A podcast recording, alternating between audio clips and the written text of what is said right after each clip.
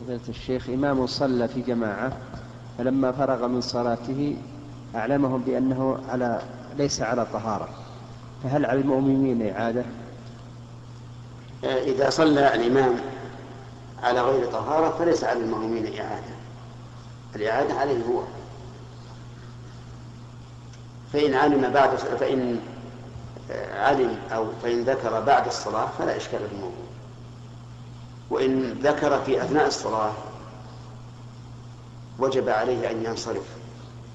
ولا يجوز أن يتم الصلاة وهو على غير وضوء. ثم في هذه الحال إما أن يوكل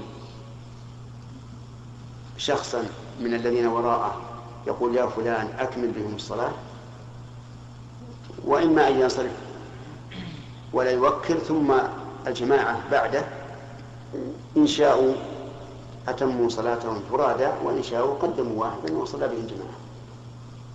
نعم.